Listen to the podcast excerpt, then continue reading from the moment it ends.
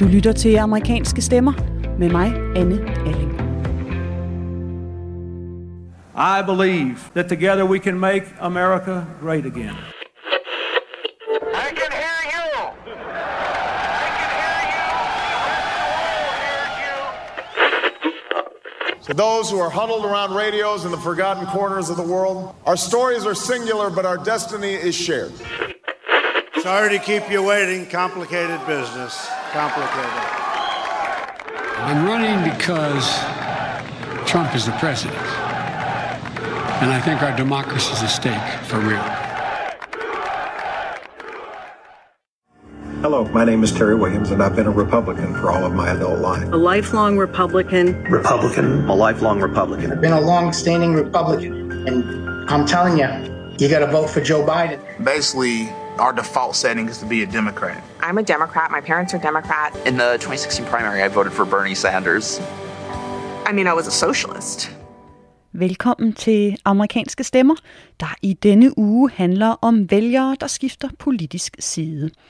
Vi skal i dag møde en sydstatsamerikaner, der bryder med sine republikanske rødder, en asiatisk amerikaner, der går mod strømmen i det liberale Kalifornien, og en hvid forstadskvinde fra Midtvesten, der har fået nok af præsidenten, som ellers var en stor opbakning i netop hendes område i 2016. Undervejs skal vi også tilbage i historien og med hjælp fra USA-ekspert og historiker Rasmus Sending Søndergaard se på tidligere eksempler på politiske afhoppere og hvad der dengang drev dem til at skifte side. Alt sammen for forhåbentlig at blive klogere på dagens politiske konvertitter og deres betydning for valget til november. Mit navn er Anne Alling. Velkommen til.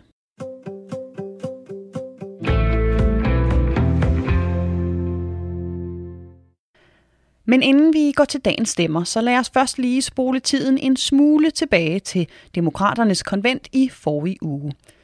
Her står den republikanske politiker fra Ohio, John Kasich, ved en skillevej.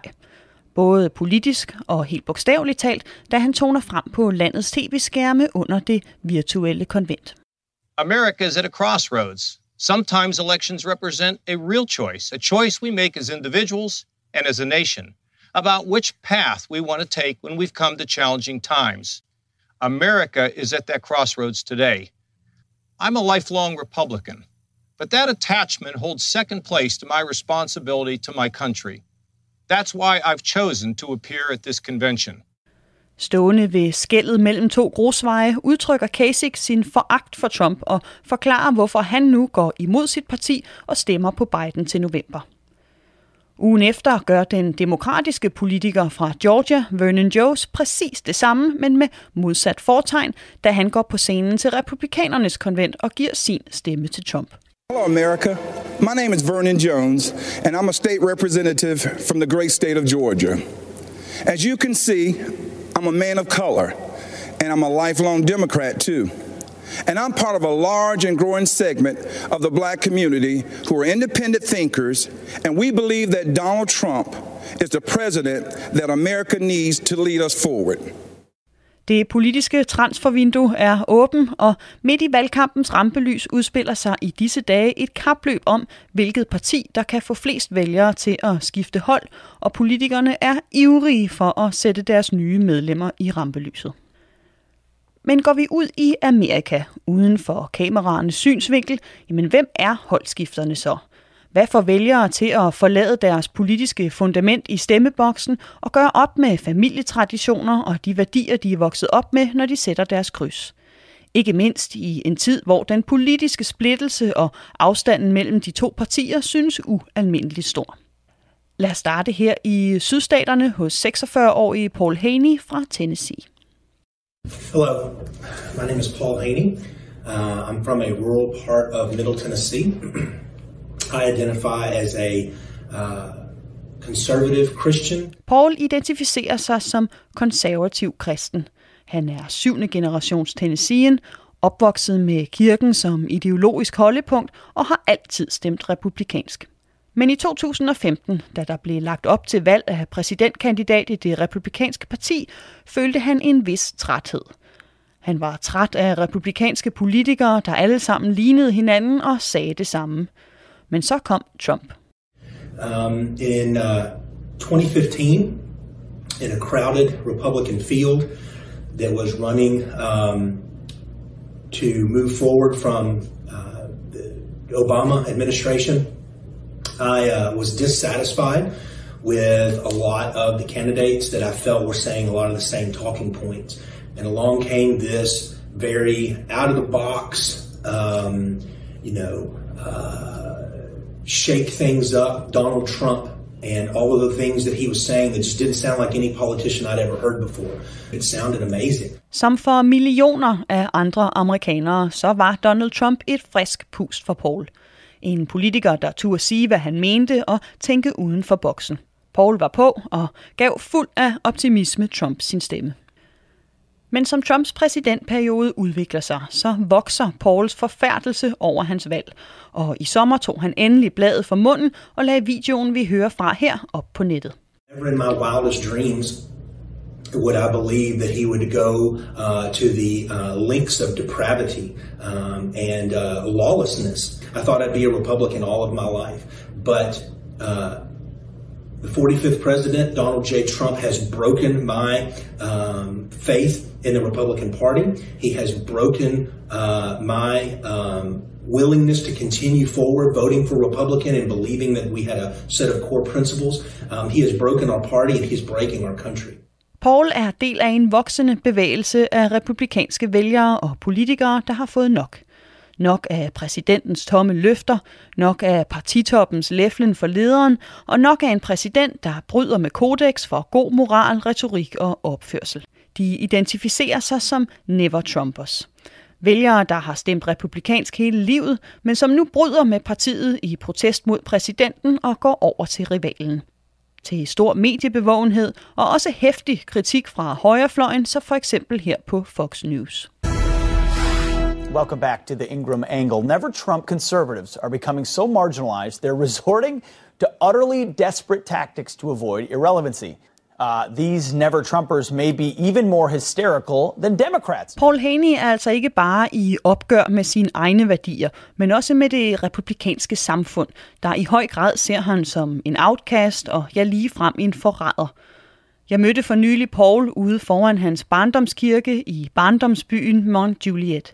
En lille flække i det østlige Tennessee, hvor Trump-skiltene fylder i vejkanten, til en snak om at forlade sin base og gøre op med familietraditionerne.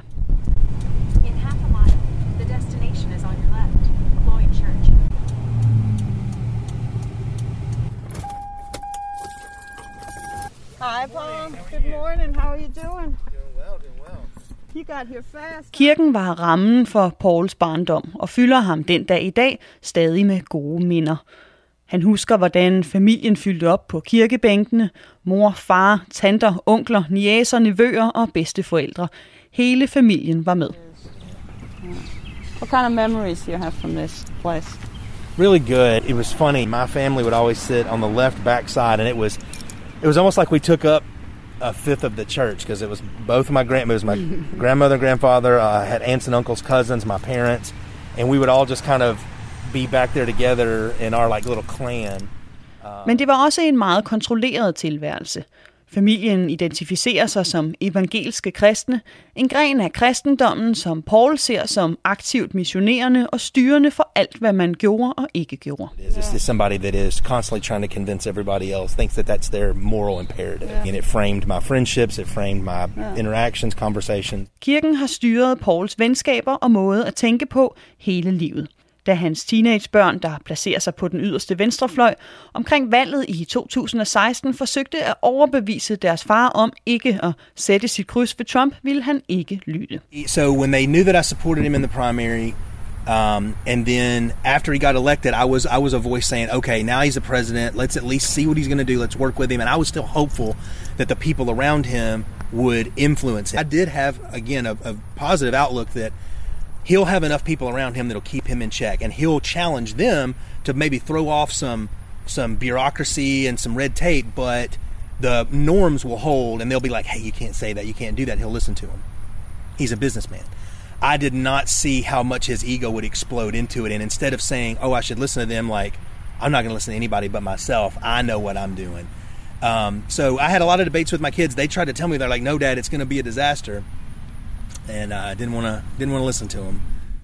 Paul havde en overbevisning om, at nok var Trump utraditionel og uerfaren som politiker, men at der ville være nok fornuftige eksperter omkring præsidenten til at vejlede hans beslutninger. Hertil kunne Trump så tilføje et tiltrængt nyt perspektiv, lidt ligesom i Hollywood-filmen Catch Me If You Can, hvor Leonardo DiCaprio først snyder systemet, men til sidst ender med at arbejde for det og hjælpe med at lukke præcis de huller, han selv snisser igennem i sin fortid. People that sometimes do things wrong, and then they see that the system is corrupt enough that they use their knowledge of that to turn it around, like the main character from Catch Me If You Can. Mm-hmm. That guy was a real person. He really did commit lots of check fraud, but when they finally caught him, he actually went to work for the FBI and he actually helps now. Mhm. I had this deluded idea that that would be what would happen with Trump. He'd get influenced by the right people. He would say, hey, here's all the ways I've been getting away with all this stuff for years. Let's fix all of that stuff. Mm-hmm. Um, St. Hollywood. right. I takt med præsidentens personlige skandaler, Moller-rapporten og rigsretssagen, har de sidste snart fire år vist Paul, at han tog fejl. Og han prøver nu at overbevise sin familie og især sin mor om det samme, men møder præcis de argumenter, som han selv holdt fast i tilbage i 2016. I try to point out to her how that the current president is such a threat to the Constitution. He's not following any of the norms that uh, past presidents have. I mean, he's firing these prosecutors and trying to get William Barr to be his personal attorney.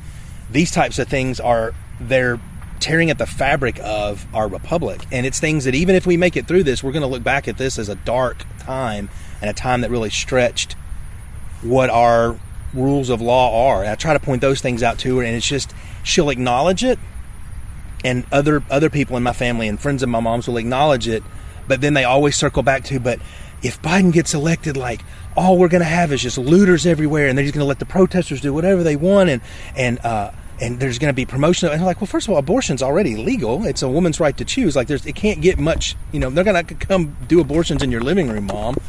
Um, but there's just this this fear that if we have a Democratic president, a Democratic Congress, that everything they're going to lose their culture. They're going to lose their their way of life. Hos den konservativ kristne mor er abort stadig et altafgørende punkt på hendes politiske dagsorden.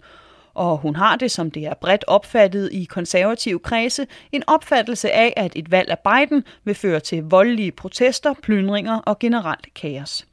En opfattelse, som Trump igen og igen i talesætter, men som Pauls mor også får fra diverse konservative medier. Where do they get that from?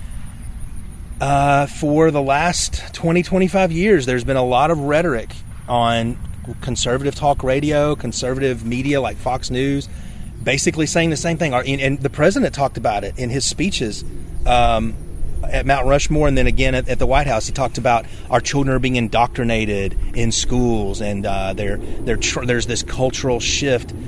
Instead of seeing it that we're trying to have a fairer society and a more equal society, they see it that somehow they're losing. Um, and when they when you get them talking about that, there's you can't convince them. Og netop det republikanske fokus på lov og orden, som vi også har talt om i tidligere programmer, er noget, der har fået Spencer i Kalifornien til at gå den modsatte vej rent politisk. Spencer er 41 år og bor i det kaliforniske Bay Area. Han er anden generations amerikansk kineser, har altid stemt demokratisk, men har efter at have fulgt valgkampen tæt nu besluttet sig for at sætte sit kryds ved Trump.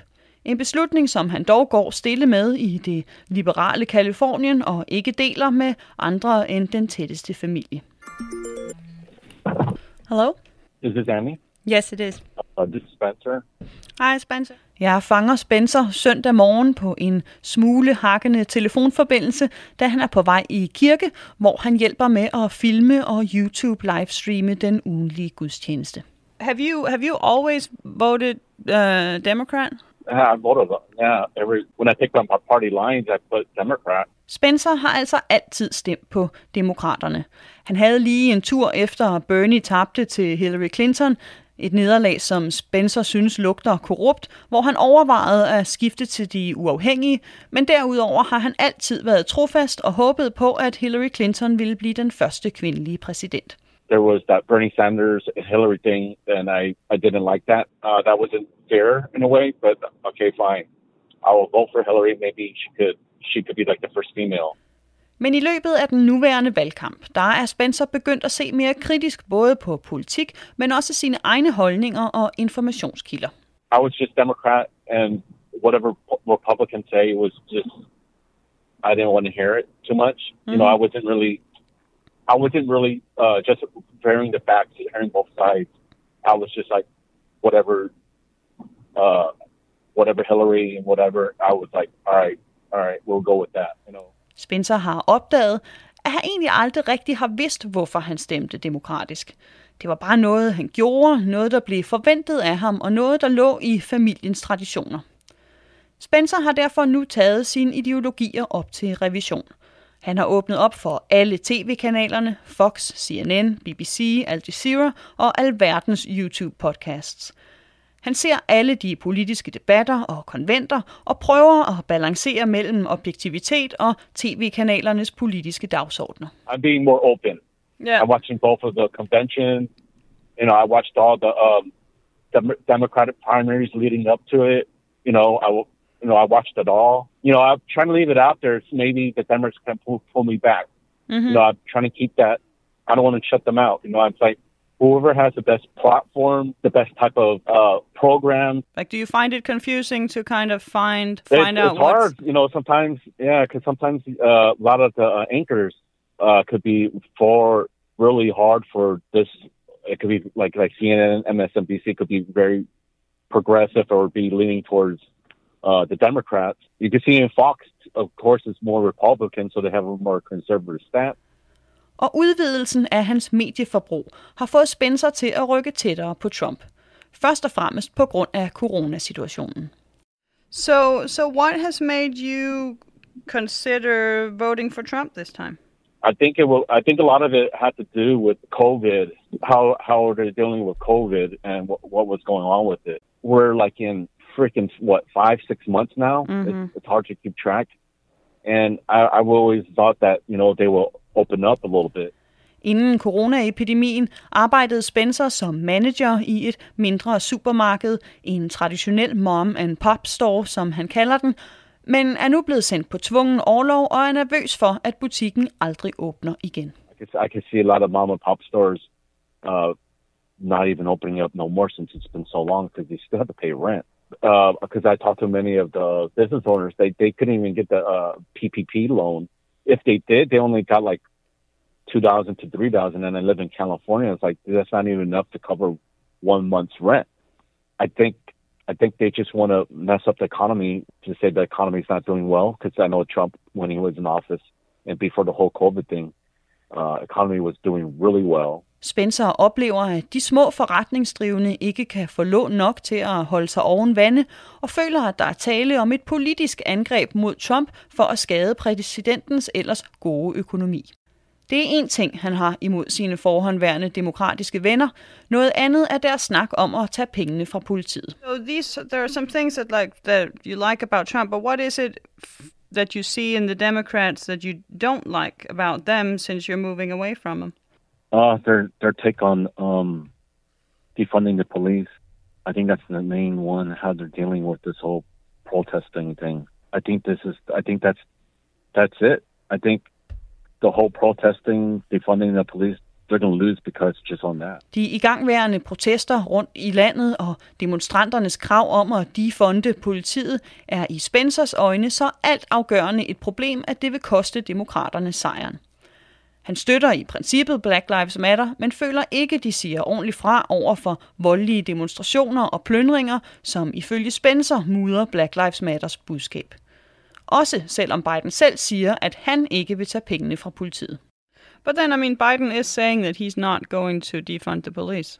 I think the whole he's in the Democrat side. I'd say I could see that mayors in different parts of different cities they're saying it. So I know Trump is going to be for for law. Trump opfylder generelt Spencers to kerneværdier, økonomien og ordensmagten. Og så er Trump hård mod Kina, som Spencer føler er nødvendig for, at det kommunistiske styre, som hans familie flygtede fra, ikke får mere global indflydelse. En intervention, som Obama og Biden ikke rykkede på, selvom de havde otte år til at gøre det. The way that he's uh, dealing with China, I think it's a, I think he was doing really well. I think he's like the only one that will actually stand up. I don't think Biden and them would. When Obama was in, there, they had so long to, to do that. Kina, økonomien og ordensmagten er alt sammen ting, der er vigtigere for Spencer end en masse snak i medierne om, hvorvidt Trump er racist, sexist eller på anden måde upassende. Just be, uh, they, I guess they always bring up that when he said some Mexicans that came over are rapists, uh, mm-hmm. and that they bring that up. And said that, well, that to me, that's not racist because he didn't say all, he didn't label all this particular group that was coming. He's, a good majority of them are coming that are that or MS-13. Medierne og venstrefløjen fordrejer ifølge Spencer Trumps ord, når præsidenten for eksempel siger, at der kommer meksikanske voldtægtsforbrydere ind over den sydlige grænse. For Spencer er det ikke racistisk at sige, at nogen af dem er kriminelle, ligesom han sagtens kan sætte sig ind i situationen, hvor Trump, omgivet af mænd i en bus, snakker om at tage kvinder i underlivet.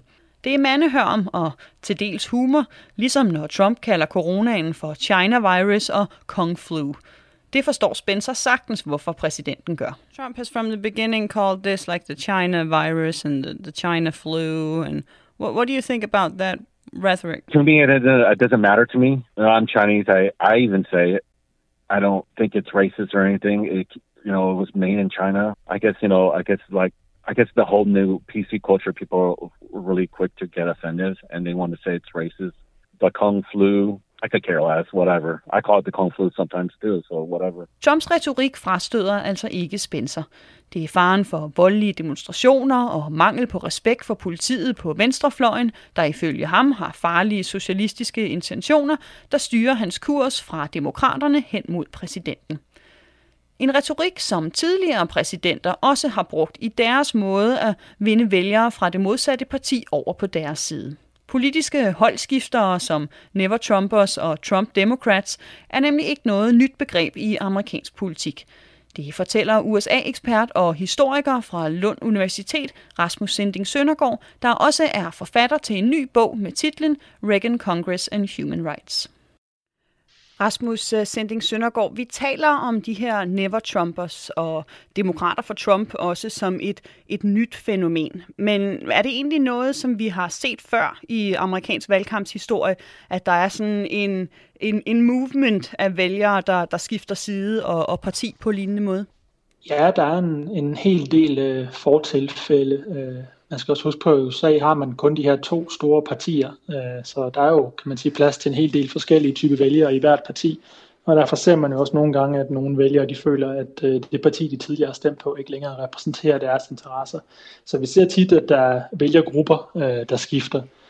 Øh, hvis vi ser nogle af de sådan mere, øh, hvad skal man kalde det, mere sådan, øh, velkendte eksempler, eller mere betydningsfulde eksempler, så er det måske især to, der sådan springer i øjnene. Og det første, det er det, der hedder Democrats for Nixon, altså som var en decideret kampagne tilbage i, i 72, da Nixon skulle øh, genvælges. Og det er sådan primært øh, hvide demokrater i syden, der var, hvad skal man sige, de var glade for Nixon, men de var i endnu højere grad utilfredse med det demokratiske parti og den kandidat, som man havde opstillet i uh, George McGovern, som var sådan en, hvad skal man sige, en relativt venstreorienteret kandidat, der blandt andet også ville føre en udenrigspolitik, der handlede meget mm. om at trække USA tilbage fra Vietnam og hele taget sådan demilitarisere USA's uh, engagement i den kolde krig. At det var noget, som mange sådan mere moderate eller mere konservative demokrater, især i syden, havde svært ved.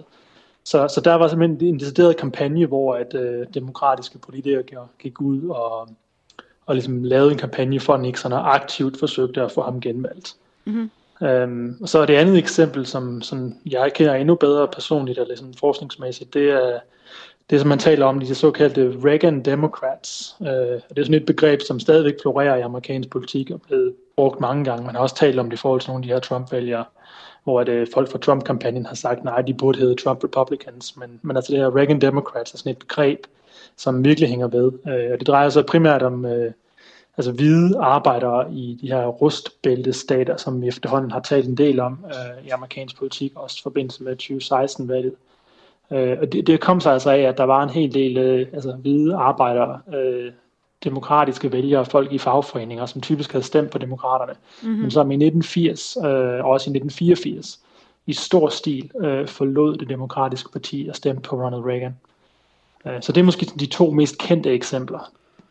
Så hvis man skal sige lidt mere om, altså, hvad var det for nogle værdier, øh, som, som både Reagan og Nixon ligesom kunne, kunne lokke de her ellers demokratiske vælgere over på deres side med? Jamen, det, det er to lidt forskellige, øh, der er jo helt klart nogle ligheder, men det er to lidt forskellige øh, situationer. Altså, hvor man kan sige, at i forhold til Nixon, øh, der drejer det sig rigtig meget om, at vælgerne var utilfredse med den kandidat, altså George McGovern, som demokraterne havde fremstillet. Øh, og Nixon kørte sådan en relativ pragmatisk linje. Øh, altså Nixon var en ret, øh, skal man sige, en klog politiker, der ligesom søgte magten og havde en meget pragmatisk tilgang til politik, så han kørte ofte ind over midten for at, ligesom at få, få opbakning til hans politik. Øh, og det gjorde, at han var, en, han var en spiselig kandidat for nogle af de her mere moderate demokrater. Øh, så det var i høj grad det, at Nixon var skal man sige, en mere moderat politiker, mm-hmm. mente man, end, end demokraternes kandidat. Reagan en lille smule anderledes. Altså selvfølgelig var det også fordi, at mange var utilfredse med, med Jimmy Carter, den, den på det tidspunkt siddende præsident. Mm-hmm. Øh, men Reagans, øh, hvad skal man sige, han, hans øh, tiltrækning var især altså hans, øh, hvad skal man sige, sådan ukulige optimisme og patriotisme. Altså, det var Reagan, der kom op med sloganet Let's make America great again, mm. før Trump ligesom tog det til sig. Og, og det var ligesom, altså Reagans tiltrækningskraft på mange af de her vælgere var, at han øh, hvad skal man sige, altså tillod vælgerne at være stolte af Amerika, talte, talte om USA som værende den, den, den, den stærkeste og, og, hvad skal man sige, det bedste land i verden osv., som i høj grad var sådan en modreaktion på øh, Jimmy Carter, altså den, den siddende præsident på det tidspunkt, mm-hmm. som havde kørt sådan en nærmest undskyldning for, på vegne af USA rundt omkring i verden, og havde, skal man sige, skabt indtryk blandt mange amerikanere om, at USA var svag og i knæ. Altså man havde en omfattende økonomisk krise, men man havde også en udenrigspolitik, hvor at der var en opfattelse af, at Sovjetunionen var på fremmars, og, og USA var, var på tilbagegang. Og så kom Reagan ind med den her optimisme og sagde, nu skal vi være store igen, nu skal vi være stærke igen, og det bliver morgen i Amerika, og vi skal have gang i julene. Og der var sådan en, en optimisme og sådan en, øh, hvad skal man kalde det, fuldstændig øh, uforbeholden øh, kærlighed til Amerika, mm. som virkelig appellerede til rigtig mange, øh, især hvide øh, vælgere. Men så taler vi jo så om Nixon og Reagan, som begge to er altså, republikanske præsidenter, der ligesom har vundet, eller vandt demokraterne over på deres side. Nu taler vi så om Never Trumpers, altså republikanere, der, der forlader det republikanske parti. Er det noget nyt, at, at vi nu ser republikanere gå over til demokrater? Er det, er det overraskende? Øh, jeg vil ikke, altså, jeg vil ikke gå så langt som at, at sige, at, at, at det er nyt. Altså, vi har også tidligere set øh, republikanere gå over til demokrater. Altså for eksempel øh, tilbage i 64 med Barry Goldwater, som var sådan en meget, meget konservativ republikansk kandidat, som han tabte simpelthen i et jordskreds uh, uh, nederlag, kan man kalde det, til, til, til, til, hedder det, til LB, LB Johnson. Mm-hmm. Lyndon B. Johnson må det hellere kalde ham. Uh, altså der så man, at republikanske vælgere, den mere moderate karakter, de ligesom sagde, at det er alligevel for meget. Barry Goldwater, han er alligevel for, for ekstrem, uh, så vi holder fast i, uh, i Lyndon B. Johnson. Uh, uh, så vi har også set eksempler den anden vej. Uh, men man taler lidt om i amerikansk politik, altså at at demokrater de uh, falls in love, og uh, republikanere de fall in line. Altså, mm-hmm. skal man sige, der er en, der er en større grad af partidisciplin uh, hos republikanerne, og derfor er det måske tidligere primært været demokrater, vi har set springe fra. Men det handler også om nogle sådan, de større trends, der er sket i amerikansk politik over en længere periode altså de to partier er jo blevet ideologisk meget mere ensartet. Altså demokraterne er i højere grad blevet øh, et liberalt parti, og republikanerne i højere grad et konservativt parti. Mm-hmm. Hvis vi går tilbage til for eksempel 60'erne og sådan Nixons tid der, øh, så var der jo også konservative demokrater, ligesom der også var relativt liberale øh, republikanere. Og den sådan, diversitet rent ideologisk inde i partierne, den er også ligesom forsvundet. Og der kan man sige, det er det, der er sket, altså at man har nogle af de her mere moderate, mere konservative demokrater, de er røget over til republikanerne. Og sådan, den der liberale republikaner, den person er nærmest, kan man sige, forsvundet fra amerikansk politik, vil jeg mene. Mm-hmm. Og så er det vel også en, en noget anderledes personlighed i, i Trump, som man måske ikke har oplevet på samme måde i historien, som der sker en, en reaktion på, som, som, som er anderledes, end hvad vi har set før. Jamen, helt afgørende. Altså, det er jo selvfølgelig det, det er vanskeligt at finde øh, gode sammenligninger øh, til Trump, når vi ser på sådan personligheden. Øh, og det er klart, at ud over det politiske, så altså mange af de øh, vælgere, som nu er ude og, og, og, hvad skal man sige, republikanske vælgere, der er ude at tage afstand til Donald Trump, der handler det jo ofte også om hans personlighed og hans stil i højere mm-hmm. grad, måske end nødvendigvis handler om hans politik. Ja. Når vi så kigger på, altså i hvert fald Never Trumper-bevægelsen er nok den, er heller helt sikkert den, der har fået sådan mest opmærksomhed i, i medierne, og som der bliver talt noget om. Mm. Kan vi sige noget om, hvor stor denne her bevægelse er? Altså hvor stor en betydning den kan få til november?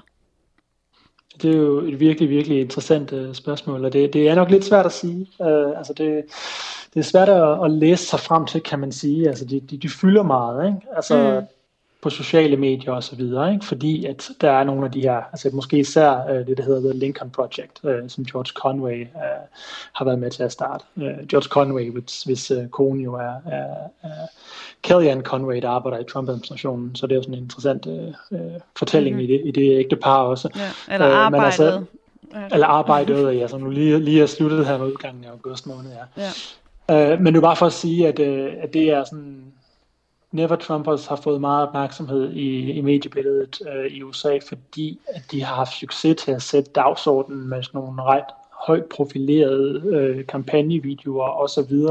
For eksempel det her såkaldte Lincoln Project. Øh, men det er jo, som jeg ser det i hvert fald, i høj grad øh, stadigvæk et eliteprojekt. Altså det er topfolk øh, fra det republikanske establishment, som var imod Trump helt fra starten af, mm-hmm. øh, som har ført den her kampagne. Først førte de den imod, at han skulle være kandidat tilbage i 2016, og så har de fået ny vind i sejlene her inden for det sidste års tid ved nu igen at forsøge at, at stå imod Trump. Og det handler jo i høj grad også om, at de mener, at Joe Biden er en spiselig øh, demokratisk kandidat. Jeg tror mm-hmm. ikke, der havde været lige så meget vind i sejlene for Never Trumpers, hvis det havde været Bernie Sanders over på den anden side. Mm-hmm. Øh, men det andet er jo så, altså i hvor høj grad den her elite, hvis det som man ser den, hvor høj grad de har tag i, i vælgerne. Altså fordi der er jo masser af eksempler på vælgere, der er utilfredse med, med Trump, ikke? og man taler om forskellige grupper. Altså det ser måske forstadskvinderne, som var, mener man, den afgørende vælgergruppe her ved midtvejsvalget i 2018, der ligesom gjorde, at demokraterne havde et godt valg der. Øh, og man taler også om altså religiøse vælgere og flere andre grupper, men man mener er sådan kritiske over for Trump og på vej til at skifte. Men det er stadigvæk det helt store spørgsmål, altså hvor mange er de, og i hvor høj grad lykkes det at få dem til at gå ud og decideret stemme på en demokrat. Altså der er jo mange af de her folk, som, som har stemt republikansk hele deres liv. Mm. Øh, så det, det, det er et stort spørgsmål, en ubekendt, øh, hvor mange der er, og om de rent faktisk vil stemme på Biden. Som Rasmus Sending siger her, så er Never Trumpers ikke bare et fænomen, vi hører om her i 2020-valgkampen. Det fandtes også i 2016, hvor en række republikanere allerede dengang tog afstand for præsidenten. En af dem var Len Smith, som vi skal møde nu. Hun er en hvid forstadskvinde fra Midtvesten, en vælgergruppe, som Trump i høj grad fik fat i i 2016, og som Biden og Trump nu kæmper en hård kamp for at vinde over på deres side. Lynn er 46 år og sekretær på et sygehus i udkanten af byen St. Louis i delstaten Missouri. Ligesom Paul har hun stemt republikansk hele livet og været aktivt medlem af partiet i årtier. So, what attracted me to the Republican Party was the sense of personal responsibility, fiscal responsibility, belief in the rule of law. But, you know, right now I'm questioning whether we even believed those things. I mean, I still believe in them, but the Republican Party currently um, does not espouse those values. Lynn nævner mange af de samme ting som Spencer, når hun fortæller, hvad der har tiltrukket hende ved det republikanske parti. Personligt ansvar og lov og orden.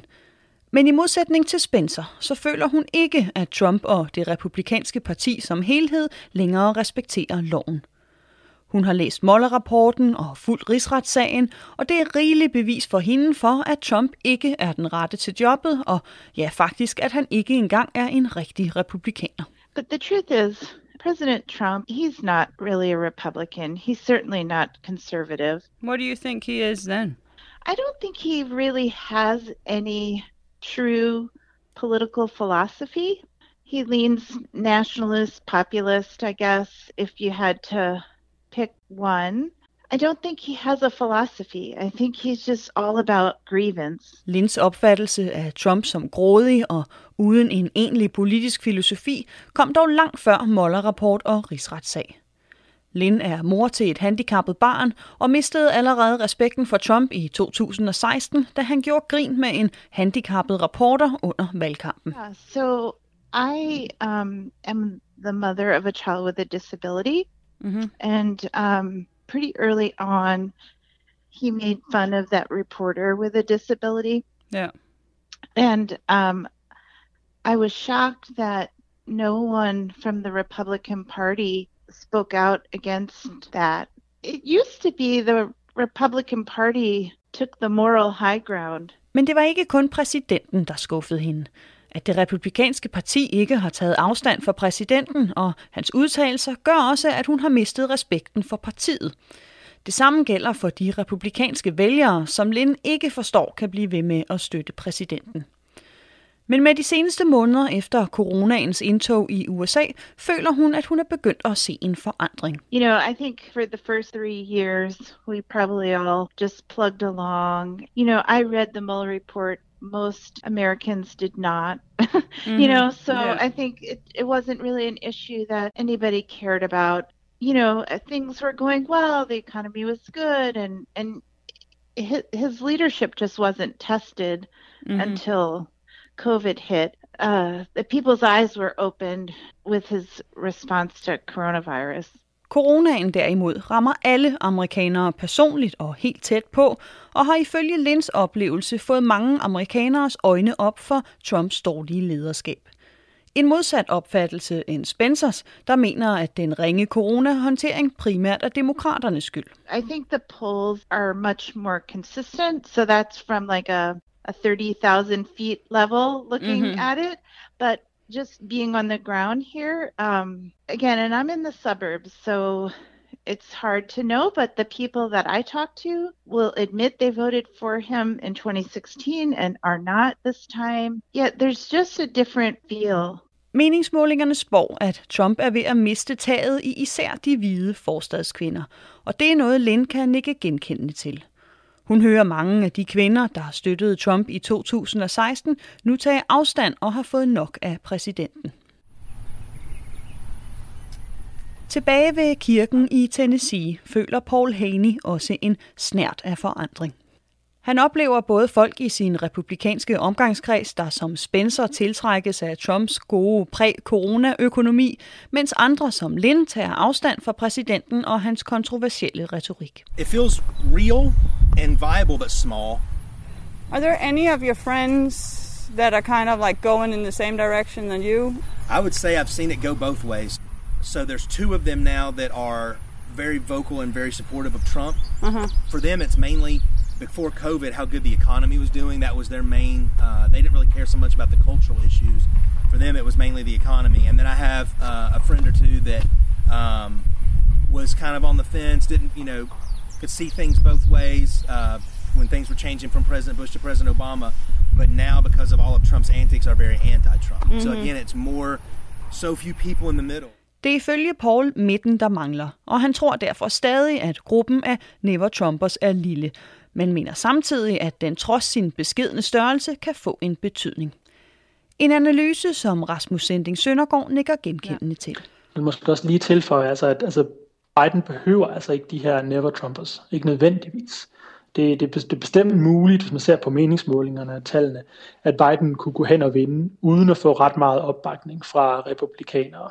Men hvis han ligesom skal have en stor sejr, og det er jo klart at foretrække for ham, ikke mindst fordi at vi ved, at demokraterne gerne skal, skal vinde med en, en, en lidt mere, altså det er ikke noget, de får jo ofte, hvad skal man sige, øh, det er absolutte flertal øh, i, i forhold til vælgere, men ikke nødvendigvis i valgmænd. Så hvis man ligesom mm-hmm. skal have en jordskredssejr, virkelig ligesom også skal ende med måske at vinde senatet osv., så, videre, så er der meget, der tyder på, at man har behov for at vinde nogen over fra den republikanske side af. Så man kan sige, Never Trumpers er måske ikke alt afgørende, men de kan sagtens blive tunge på vægtskålen. Og hvis der skal være sådan en rigtig jordskredssejr til, til Biden, så skal de med på vognen. Den modsatte bevægelse, demokrater som Spencer, der konverterer til republikanerne, mener Rasmus derimod ikke, i hvert fald indtil videre, har en størrelse, der vil spille en afgørende rolle til november. Og har, har vi nogen idé om, hvor, hvor stor en bevægelse de her såkaldte Democrats for Trump er? Her er vi nok, øh, vil jeg sige, endnu mere på bare bund, end vi måske er med, med Never Trumpers. Altså det, der er ikke mange eksempler at tage af, men det er jo sådan, at i amerikansk politik, når man kun har de her to partier, man kan altid finde individer, som er gået fra den ene lejr til den anden lejr. Der er ikke meget, der tyder på, at det er mange demokrater, der stemmer Trump. Hvis vi kigger på Trumps kampagne, må vi også bare sige, at altså, han lader til at køre en, uh, en 2016 Redux. Ikke? Altså, han, mm-hmm. det, det er den samme, den samme uh, meddelelse, kan man sige, han kører på. Han har ikke modereret sit uh, program til at trække ind over midten, for eksempel. I stedet for så appellerer han benhårdt til sine kernevælgere, hvilket måske også forklarer meget godt, hvorfor han netop ikke har haft så meget held med at udvide sin base over mod demokrater. Og så er det det endelige spørgsmål måske, hvor meget altså de her never-Trumpers ikke bare vil, vil betyde for valget, men også ligesom for, for fremtiden og DNA'en af de her to partier.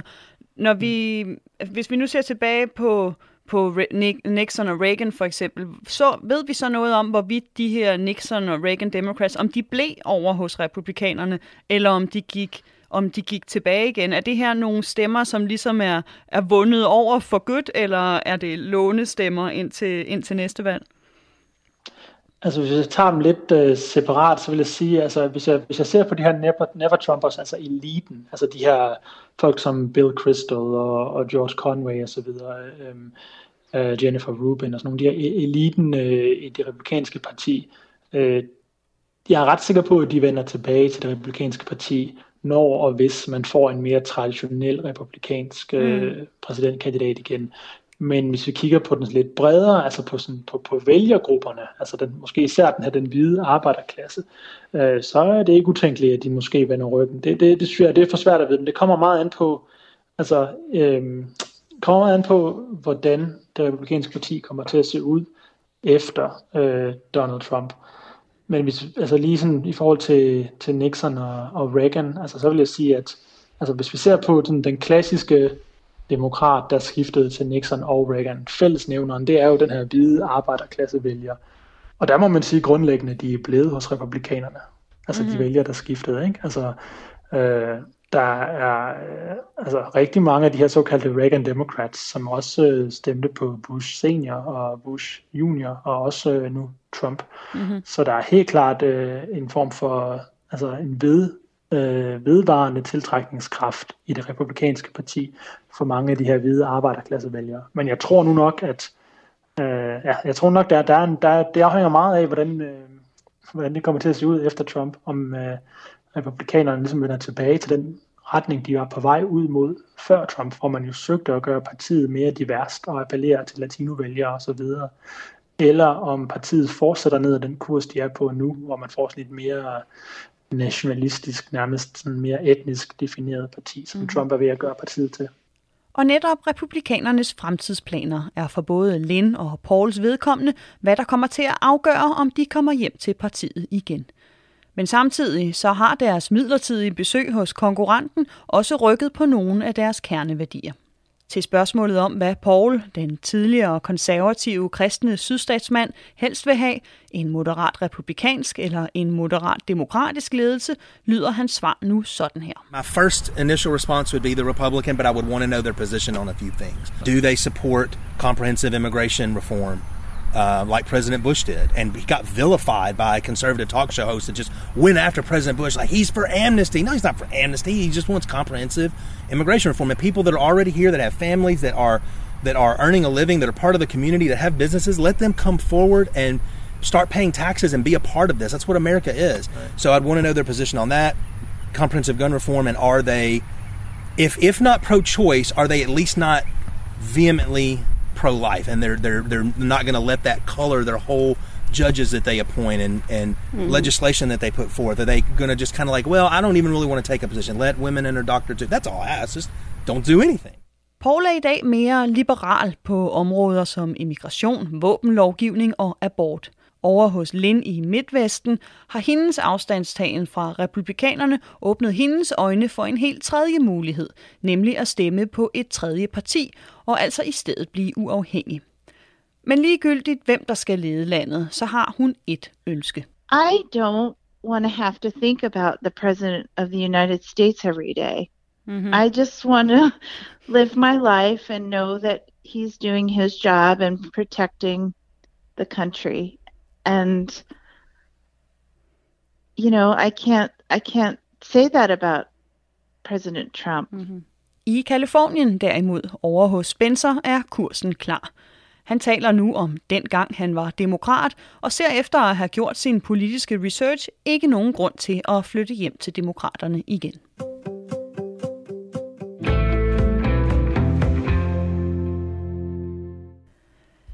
Det var ordene fra dagens amerikanske stemmer. Til trods for forskelle, så er der faktisk én ting, som Paul, Lynn og Spencer alle sammen har til fælles, og som jeg generelt oplever hos mange af de amerikanere, jeg taler med. Nemlig spørgsmålet, do Danes care? Hvorfor vil danskere høre om USA, og hvad er de interesserede i ved amerikansk indenrigspolitik og amerikanernes liv? Det er noget, jeg altid og igen og igen bliver spurgt om i mit arbejde herover. Jeg svarer sådan lidt forskelligt hver gang. Min interesse den er ligesom faststøbt, men jeg kunne faktisk rigtig godt tænke mig at høre jer lytteres perspektiv. Hvorfor er du interesseret i USA, og hvorfor lytter du til programmer som det her om amerikanernes liv og politik? Hvis du har lyst til at dele dine tanker, så send mig meget gerne en e-mail på amerikanske stemmer radio4.dk. Og inden vi slutter, så lad os lige se på denne uges overskrifter, hvor øjnene især har været rettet mod byen Kenosha i Wisconsin, hvor den 29-årige afroamerikanske mand Jacob Blake sidste søndag blev skudt i ryggen syv gange af politiet på vej ind i sin bil. Det er en episode, der har startet en ny bølge af protester i både Kenosha, men også andre byer landet over, og lidt til dødelige sammenstød mellem demonstranter i både Kenosha og Portland, Oregon. Tirsdag besøgte Trump Kenosha, hvor han ikke mødtes med Jacob Blakes familie, men derimod med en af de forretningsdrivende, der har fået brændt sin butik ned under protesterne. Og her understregede Trump igen sit fokus på at bringe lov og orden til amerikanske byer. So this store was here 109 years, just about the oldest in the nation, doing what oldest you did. in the state for sure. Yeah, it's fantastic, and we're going to help them a lot. A day early, we would have saved your store. Absolutely. One day early. One day early. So the governors have to call, the mayors have to call. As soon as they call, the federal government will come in. It'll put it out. Uh, you take the ultimate example is Portland. It's been terrible for a long time, for many decades actually. I read a story, 50 years, but you take a look what's been happening for the last 94 days. We would put it out within one hour. Would take one hour, maybe less. Havde guvernøren ringet en dag tidligere, ville Trump have sendt sine forstærkninger ind for at redde mandens butik, lyder det her fra præsidenten. Det er alt sammen op til byens og delstaternes ledelse at spørge præsidenten om hjælp, og når de gør, vil Trumps føderale agenter komme og skabe lov og orden i gaderne. Et budskab, som Joe Biden angreb, da han mandag i en tale først og fremmest tog afstand fra de voldelige protester og afbrændinger, men derefter rettede beskyldningerne mod Trump, som Biden mener opildner til vold i gaderne. The senseless violence of looting and burning and destruction of property. I want to make it absolutely clear, something very clear about all of this. Rioting is not protesting. Looting is not protesting. Setting fires is not protesting. And those who do it should be prosecuted. Violence will not bring change, it will only bring destruction. Fires are burning, and we have a president who fans the flames rather than fighting the flames. He can't stop the violence because for years he's fomented it. Hovedtemaet i valgkampen er cementeret. Det handler om lov, orden og amerikanernes sikkerhed. Hvem er den rette til at få landet under kontrol og skabe fred mellem de stridende parter? Ifølge seneste meningsmålinger en diskussion, der lige nu ser ud til at tale til Trumps fordel. Efter at have ligget foran Trump med over 10 procent af stemmerne, er Bidens føring nu indsnævret til 7 procentpoint her, hvor der er 9 uger til valget. Vi ser blandt andet nærmere på de nationale protester i næste uge. Jeg håber, du vil lytte med, og indtil da, as always, stay safe.